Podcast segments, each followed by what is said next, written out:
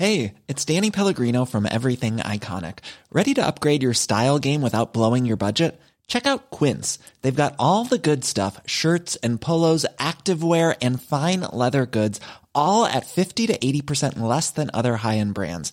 And the best part? They're all about safe, ethical, and responsible manufacturing. Get that luxury vibe without the luxury price tag. Hit up quince.com slash upgrade for free shipping and 365 day returns on your next order. That's quince.com slash upgrade. Halo pendengar GGMI Podcast, balik lagi bersama kita bertiga. Sebelum kita mulai, kita mau ingetin buat teman-teman tetap jaga kesehatan, tetap jaga prokes, karena sekarang kondisi Omikron di Indonesia lagi cukup padat. Tapi satu hal di baliknya negatif, pasti ada satu hal positif, di mana kemarin MU baru saja mengalahkan musuh bebuyutan bisa dibilang ya, karena gua bisa bilang dua musuh terbesar MU itu Liverpool dan juga Leeds, terlepas satu beda kasta gitu kan. Dan kemarin kita berhasil mengokohkan puncak kelas bukan puncak klasmen sih lebih kepada klasmen di peringkat keempat dengan kemenangan 4-2 ada banyak hal yang bisa kita bahas gue mau ke Saung dulu. Gimana akhirnya lu ngelihat Jadon Sancho yang akhirnya mulai menemukan titik pakemnya sebagai pemain di sayap kiri akhirnya Om dan mencetak dua asis kemarin Om. Sekarang Sancho dulu namanya Benco katanya. akhirnya kita bisa merasakan merasa lega ya. Sancho akhirnya bisa apa namanya beradaptasi dengan baik di Premier League. Cuman kan sayangnya kita beli sayap kanan cuman dia nyamannya di kiri kan. Jadi kayaknya kita mesti beli sayap kanan lagi ya.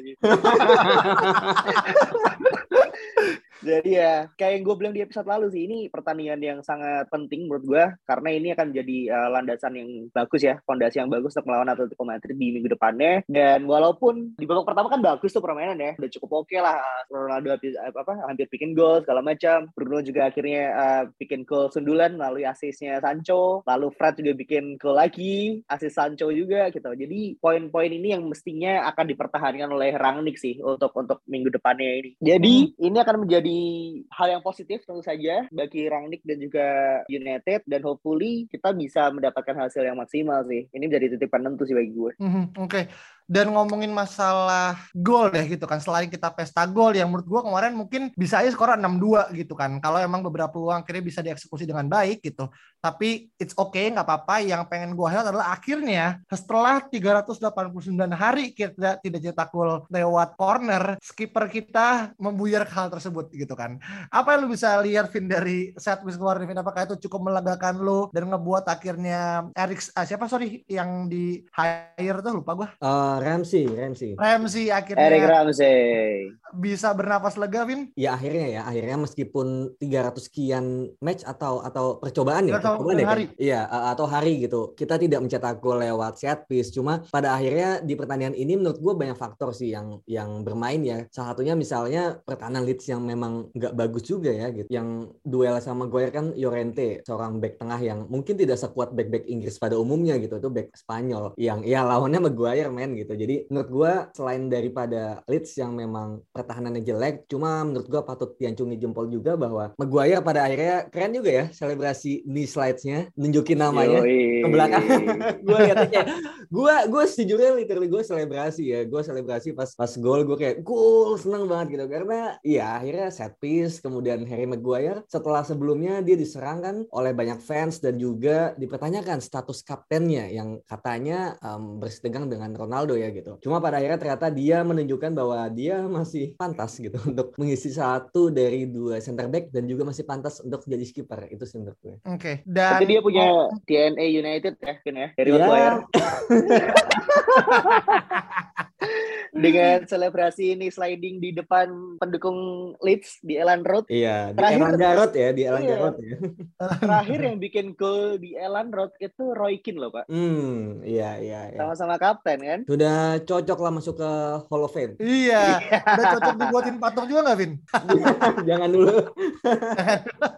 Oke oke. Nah ngomongin masalah pemain juga ya kemarin juga adalah momen di mana Bruno Fernandes mencetak 85 gol contribution semenjak dia masuk ke MU dan menurut gue sih beberapa bulan ke belakang kan dia juga sempat jadi apa ya scapegoat juga lah pada beberapa match ya gitu karena dia juga kemudian tidak performance dan gue sempat khawatir kemarin ketika di babak-babak awal dia tuh udah megangin kakinya gue bilang aduh ini kalau sampai orang ini out gitu kan dan kemudian cedera sampai kita nggak tahu kapan ini big loss banget buat MU gitu kan. Karena kita nggak punya pemain yang kemudian bisa menggantikan di posisi dia gitu kan. Dan ternyata dia kemarin nyetak satu gol lewat sundulan dan juga satu assist buat Anthony Elanga gitu. Lu ngelihat penampilan Fernandes sejauh ini gimana Ung akhirnya Ung? Wah, gue senang banget sih. Dalam arti, ya ini akhirnya muncul kembali Bruno Fernandes yang kita kenal ya. Dengan satu gol lewat sundulan dan juga satu assist. Meskipun gue rasa juga kalau misalnya tadi Diaz agak mungkin takut ya gitu. Bruno Fernandes cedera. Gue malah merasa bahwa gue pingin gitu sekali ngelihat Bruno ini apa ya kayak digantikan perannya sama Paul Pogba. Gue pingin gitu loh kayak gimana nih kalau nggak ada Bruno Fernandes, adanya Pogba di LCM yang kemudian nanti RCM-nya bakal ada pemain yang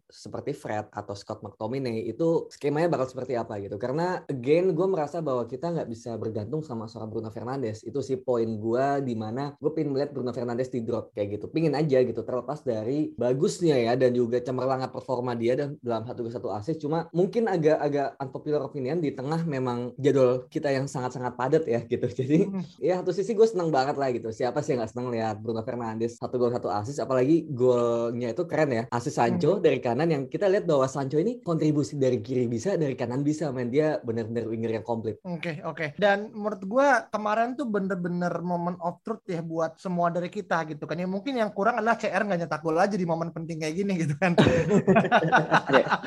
Dan akhirnya Kayak hat trick sih Pak, Altiko. Hat trick lawan juga lah disimpan dulu. Iya iya iya. Dan kemarin kita juga sebenarnya ada satu sejarah tercipta ya di mana akhirnya Pastor Fred level golnya di musim 2022 tuh mengalahkan seorang Lionel Messi gitu kan. Ini so, ini agak agak anomali gitu kan. Gimana lu akhirnya ngelihat Fred yang menurut gue bagus banget kemarin sebagai substitute itu pas dan gue nggak tahu ya apa yang kemudian Rahnik pikir apa dia nemu formula tapi Fred tuh kayak gue nggak rasa dia kerasukan siapa ya kemarin nyetak gol dan Iya, Tore.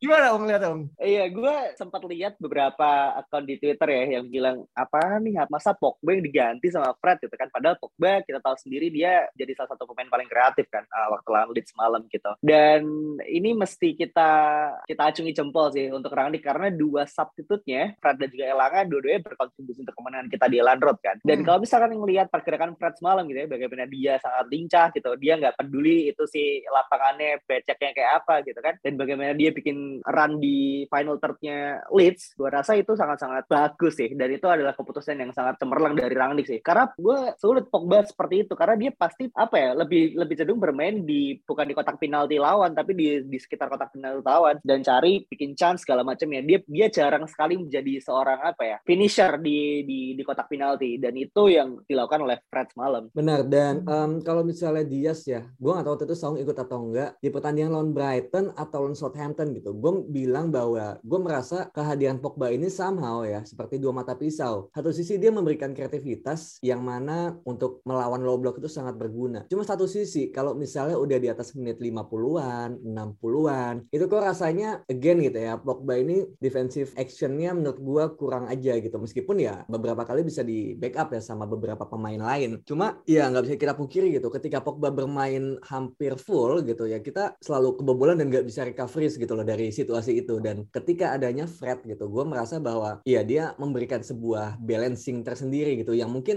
orang lihatnya ya siapa nih Fred gitu. Kesannya gini kayak kayak contohnya gini Pogba itu nilainya 90 tapi ya dia gampang capek. Tapi kalau Fred ini nilainya cuma 80 cuma dia energik gitu. Jadi menurut gue ada momen-momen tertentu yang mana Rangnick harus pintar memanfaatkan situasi. Dan situasi semalam sebenarnya gitu gue udah udah udah feeling gitu. Ketika udah dua-dua gue merasa bahwa MU ini udah kalah stamina stamina di tengah karena Leeds sudah masukin dua pemain baru kan. Sedangkan MU belum. Di situ udah jelas banget terlihat bahwa MU harus masukin pemain. Dan pemain yang defensif dutiesnya kurang itu mau nggak mau ditarik. Dan menurut gua Pogba ditarik keluar itu udah sangat-sangat make sense sih. Dan ya menurut gua ya kita harus percaya pelatih. Kali ini ya harus lebih percaya pelatih gitu. Oke okay. dan sebenarnya keputusan Rahnik memasukkan Fred ya dan juga Anthony Elanga ini sebuah hal yang sebenarnya mencetak rekor juga. Kalau ternyata MU itu dicetak 10 gol di apa namanya League musim ini dari substitute yang lima di antaranya itu dari eranya Rangnick gitu. Jadi menurut gua decision making Rangnick dalam melihat sebuah game itu perlu diacungi jempol juga gitu kan. Dan meskipun kita harus lihat ya kalau kemarin pun juga Anthony Langa juga mendapatkan perlakuan yang sebenarnya agak kurang baik ya dari fans list kan yang dia harus kemudian kelempar koin dan juga ada flare yang kemudian yeah. sampai ke stadion yang menurut gue ini sebuah hal yang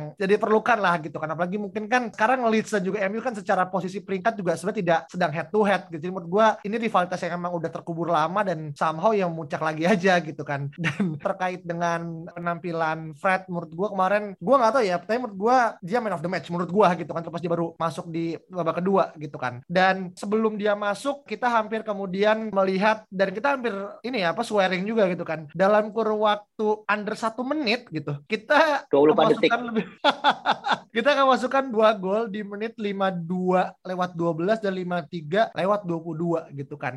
Gue menanya ke Alvin ini pure karena memang mental yang kemudian tidak siap dengan gol yang harus dimasukkan De Gea ya yang menurut gue tuh golnya bagus banget gitu kan. Atau apa Vin yang kemudian terjadi Vin ketika dua dua hampir less than dua menit dua gol Vin? Ya itu again kombinasi dari banyak hal ya. Salah satunya itu mentality juga. Jadi wajar lah kita bermain di kandang lawan yang penuh tekanan hujan dan juga becek dan tiba-tiba lu kebobolan dengan gol yang lu nggak sangka-sangka kan? Itu gol yang lu mau crossing tapi malah jadi gol. Dan setelah itu ya Leeds langsung agresif banget mainnya gitu.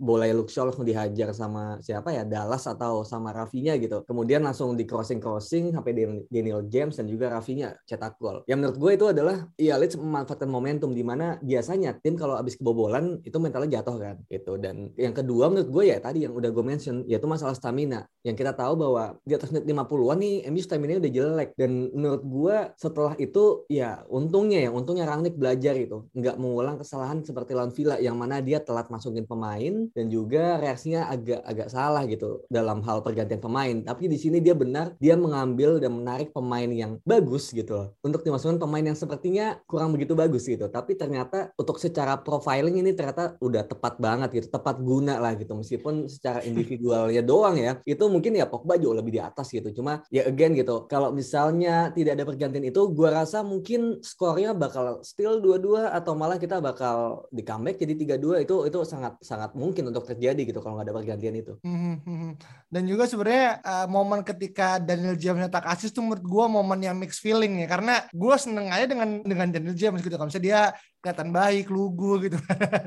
apa namanya kind hearted gitu kan. Tapi ketika dia pindah ke Leeds, kemarin tak gol kayak aduh gue sayang sama dia tapi gue juga benci juga dia tak gol gitu kan. Dan gue yakin juga beberapa orang yang akhirnya melihat sosok Daniel James sebagai mantan main MU pun sadar gitu kalau ya somehow dia pun sebenarnya ya cukup berjasa buat MU di eranya oleh gitu kan. Tapi sayang mungkin sekarang udah nggak bisa dan kemarin harus harus melihat kita ketemu James lagi itu pertama kalinya gitu. Tapi ada nggak mungkin ung catatan tentang Daniel James dari dengan kemarin ung lu lihat dia berkembang kan dan dia kan di posisi sebagai striker ya kalau di formasinya Leeds yang pas satu empat satu gitu kan. Lu gimana ngeliatnya akhirnya James sebagai apa nih ex player watch mungkin? Iya, gue sempat dengar kemarin Daniel James itu ternyata pemain kedua setelah Eric Cantona yang bermain untuk Manchester United dan Leeds di musim yang sama. Jadi dia punya kilas balik yang cukup luar biasa di Eric Cantona dan melihat dia bikin assist untuk Manchester eh, untuk Manchester United untuk Leeds sangat-sangat ya bener mixed feeling gitu loh karena gue gue pengen orang ini sukses cuman kenapa di Leeds gitu kan. Tapi melihat Leeds juga kayaknya dari musim lalu juga pengen pengen beli Daniel James kan. Jadi good things for him. Gue sempat berharap nggak berharap juga sih gue sempat jaga-jaga kalau dia bikin goal untuk United ya. Karena gue sempat baca juga dia katanya kalau mau bikin goal di United untuk United dia mau selebrasi gitu. Cuman untungnya tidak jadi. Jadi ya hopefully pemain-pemain ini dia kan bukan bukan pemain yang jelek sebenarnya kan. Cuman pemain yang menurut gue untuk United sendiri belum tidak punya sesuatu sesuatu yang khas Eh, gitu selain iya. selain dia bisa lari cepat gitu aja sih. Iya iya iya iya. Dan sebenarnya kalau bisa gue lihat dari James tuh kemarin kan udah sering ya pemain kita yang akhirnya ada sempat intrik bahkan sempat dorong-dorongan gitu kan di yang Iya. kayak Elangga kemudian di sliding sama gue lupa back kirinya terus kemudian banyak yang ribut dan gue James tuh ya udah gitu sebagai orang anak lugu yang eh gue nggak mau ikut ribut ah gitu kan apalagi mungkin James Sungkan. kalaupun gue Sungkan, ribut Pak. ya gue ribut sama ex teammates gue Iya. Sendiri gitu. Gue lihat gue lihat juga dia pelukan sama Rangnick Iya, juga iya. kok. Jadi kayak all good ya between Daniel James dan United. No hard feeling lah. Hmm, hmm, iya iya iya dan no hard feeling Yoi. uh, overall match kemarin ini bener-bener momentum banget dan kepala kita langsung uh, tegak menuju Atletico besok uh, Rabu ya Kamis pagi kita main dan satu hal yang mau gue sampaikan adalah match Atletico sebenarnya kedua belah pihak sebenarnya lagi pincang juga sebenarnya ya kalau kita ngomongin from asin nggak cuma dua pertandingan terakhir gitu kan. Kita tahu tujuh hari yang lalu ATM baru aja kalah 1-0 lawan Levante gitu kan. Yang mana posisi ATM pun di peringkat liga pun juga nggak beda jauh sama MU peringkat 5 gitu.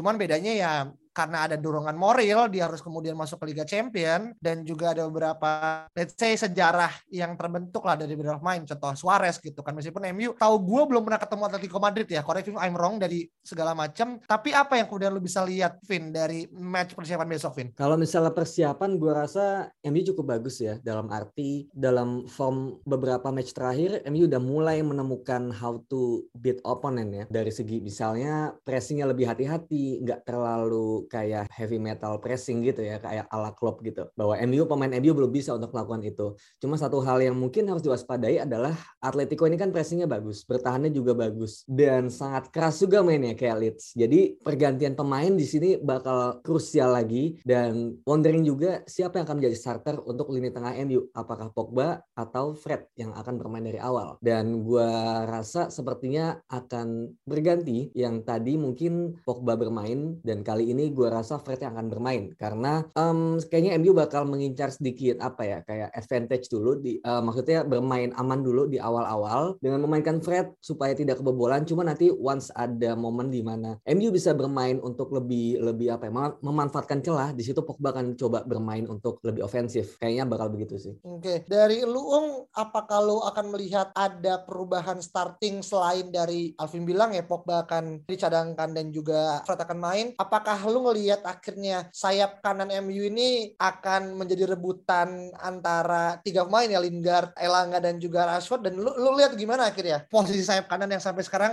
lu bilang unsolved juga gitu. Iya, gue rasa sih Rashford yang akan main ya, karena uh, Rashford simply punya experience di big game, terutama di Liga Champion. Kalau misalkan kita mau kilas balik melihat pertandingan PSG, dia juga jadi penentu di situ. Jadi uh, Lingard gue rasa masih belum cukup bagus ya di pertandingan semalam, dan Elanga mungkin masih terlalu muda gitu untuk untuk starting melawan uh, Atletico Madrid. Itu di sisi kanan sih. Untuk midfieldnya mungkin bener apa yang dibilang Alvin ya, mungkin Pogba akan di drop gitu. Cuman kalau melihat dari bagaimana game ini akan berkembang jadi salah satu pertandingan klasik di Liga Champions ya, gue harap Pogba justru akan main sih daripada Fred gitu. Dan mainkanlah Fred ketika di posisi-posisi yang yang membutuhkan gitu. Kayak match malam la- lawan Leeds United gitu sih. Cuman harusnya sih gue tidak gue tidak melihat United akan kalah sebenarnya lawan Atletico Madrid gitu. Kalau misalkan satu orang pemain ini akan comeback ya dalam performanya ya Cristiano Ronaldo gitu. Apabila Cristiano Ronaldo muncul dan comeback lawan Atletico Madrid ya udah sih selesai sih Atletico pak. Kayaknya ATM nih punya momok ya di sosok Ronaldo Yoi. dan dan MU punya momok di sosok Suarez sebenarnya gitu kan. oh iya benar juga. iya kan, misalnya dua belah pihak tuh punya punya dendam kesumat pada masing-masing pemain gitu kan. Tinggal Iya, iya, sama-sama iya. apa namanya pemain depan juga gitu kan. Tinggal siapa yang lebih magis aja di Stadion Wanda Metropolitano gitu kan. Tapi menurut lu apakah Ronaldo bisa jadi semacam kayak key factor nggak Vin? Atau atau lu ngelihat Ronaldo yang sekarang ya secara speed, agility dan juga mungkin uh, ketajamannya udah nggak bisa kita andalkan lagi selain dari mentalitas Vin? Em, iya, jujurnya sayangnya gue harus bilang begitu ya gitu. Terlepas dari em, kemarin lawan Brighton dia mencetak satu gol, cuma again kemarin kita lihat lawan Leeds dia less contribute juga ya. Em, harus diakui bahwa ya ada satu peluang yang harusnya gitu. Mungkin di old Cristiano itu bakal gol gitu kan tap in, tapi ya again kena kipernya gitu. Jadi sangat disayangkan untuk up play memang sepertinya gue masih harus tetap stand dengan pendapat gue waktu itu ke Dias bahwa Ronaldo harus mengubah sedikit gaya bermainnya lebih as a team dan iya jangan bermain seperti Ronaldo yang dulu gitu. Dan seandainya Ronaldo bisa bermain lebih efisien, lebih efektif, tidak terlalu individu gitu ya, tidak terlalu individual. Menurut gue dari segi mentalitas apalagi di Liga Champions ya menurut gue ada magis-magis tersendiri yang ya mungkin out of nowhere atau out of the box tiba-tiba dia bisa cetak gol gitu. Itu suatu hal yang mungkin di luar taktikal tapi somehow mentalitas dia itu yang bicara. Oke, okay. berarti emang yang dijual tuh mental ya. Kalau ngomongin yeah. Ronaldo, ngomongin skill dia bahkan, juga. Iya, dia, dia bahkan bisa comeback loh dengan Juventus yang pada saat itu juga tidak cukup oke okay ya. Iya. Memang iya, iya. ya itu tadi mungkin mungkin apa yang dibilang Jamie Carragher bener gitu. Eh sorry Gary Lineker bener bahwa Messi dan Ronaldo memang sudah cukup uzur gitu ya. Mungkin cukup sedih melihat dua pemain sepak bola terhebat ini pertama usia gitu. Cuman yang tadi Alvin bilang, yang namanya mentalitas gue rasa tidak akan pernah hilang sih. Dan bagaimana skill itu bisa tiba-tiba muncul dengan dengan apa game yang terus emosinya akan semakin tinggi gitu ya. Gue harap kita bisa melihat uh, Ronaldo dalam performa terbaiknya sih, Ber. Dan mungkin ini dua pertanyaan terakhir kali ya. Gue mau nanya ke lu, Ung, siapa sebenarnya pemain yang menurut lu perlu untuk kita perhatikan dari sosok Atletico Madrid selain mungkin tadi Suarez yang punya sejarah buruk di di di MU gitu. Ada nggak mungkin selain dari Suarez yang lu pengen highlight tuh? Jan Oblak sih Pak menurut gue. Oke. Okay.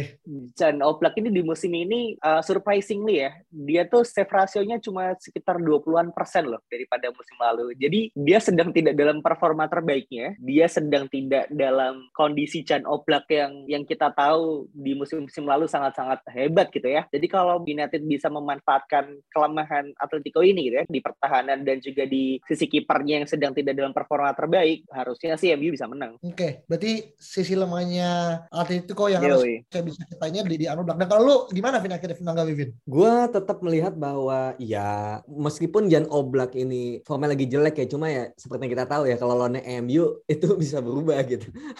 Oblak bisa kembali jadi Oblak yang seharusnya gitu.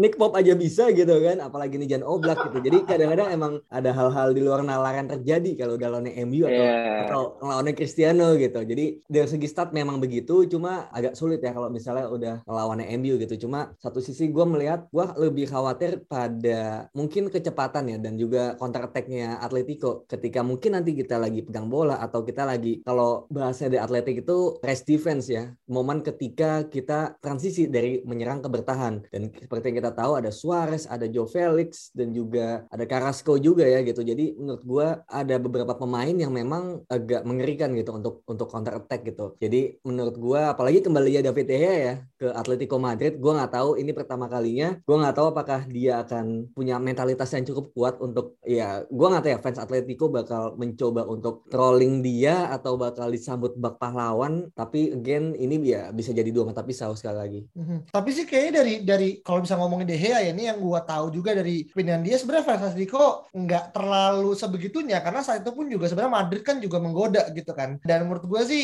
gue nggak tahu ya dari yang dia pindah tahun 2011 gitu kan 2012 yang dari media sebenarnya masih negatif gitu kan. Cuman kita nggak tahu ya karena sekarang mungkin uh, sifatnya knockout gitu kan. Jadi ya menurut gue sih apalagi udah lama udah sekitar berapa 9 tahun mungkin De Gea tidak pulang ke Wanda ini menurut gue sih udah beda Wanda kayaknya play gitu kan. Iya apa? Wanda Maximoff. Wanda Maximoff. Ntar gue takutnya kena dark magic nanti ung. Iya iya iya iya. Nah mungkin terakhir kali gue mau nanya ke Sawah deh biar lebih apa ya uh, masuk secara ini. Ini bukannya takabur tapi karena udah keburu overhype karena kita udah menang uh, dua kali gitu gue mau nanya ke lu nih. Kira-kira mending skor berapa nih, Ung? Minimal Ronaldo hat trick lah. Tiga kosong harusnya bisa sih. Ronaldo ya, tapi kalau Suarez quadrick tuh jadi masalah juga sebenarnya. Jangan sampai sih. Harusnya De Gea ini ya. Oh, Perform sih harusnya. Jadi skor 3-0 lah ya. Iya, iya. Um, kalau gua gua merasa again MU bakal kebobolan sepertinya gitu. Karena kayaknya MU dan kebobolan ini nggak bisa dipisahkan. Kebobolannya again konyol-konyol lagi babak kedua dan tapi sama gue yakin MU bisa menang gitu. Asal memang bermainnya rapat, kayak compact dan juga pergantian di tengah babak itu di tengah pertandingan ya.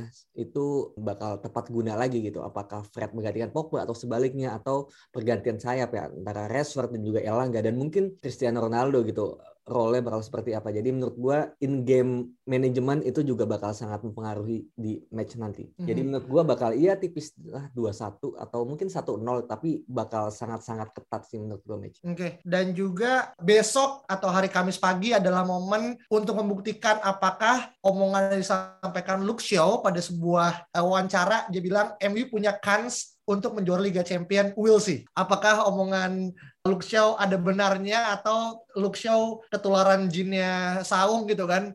Ya.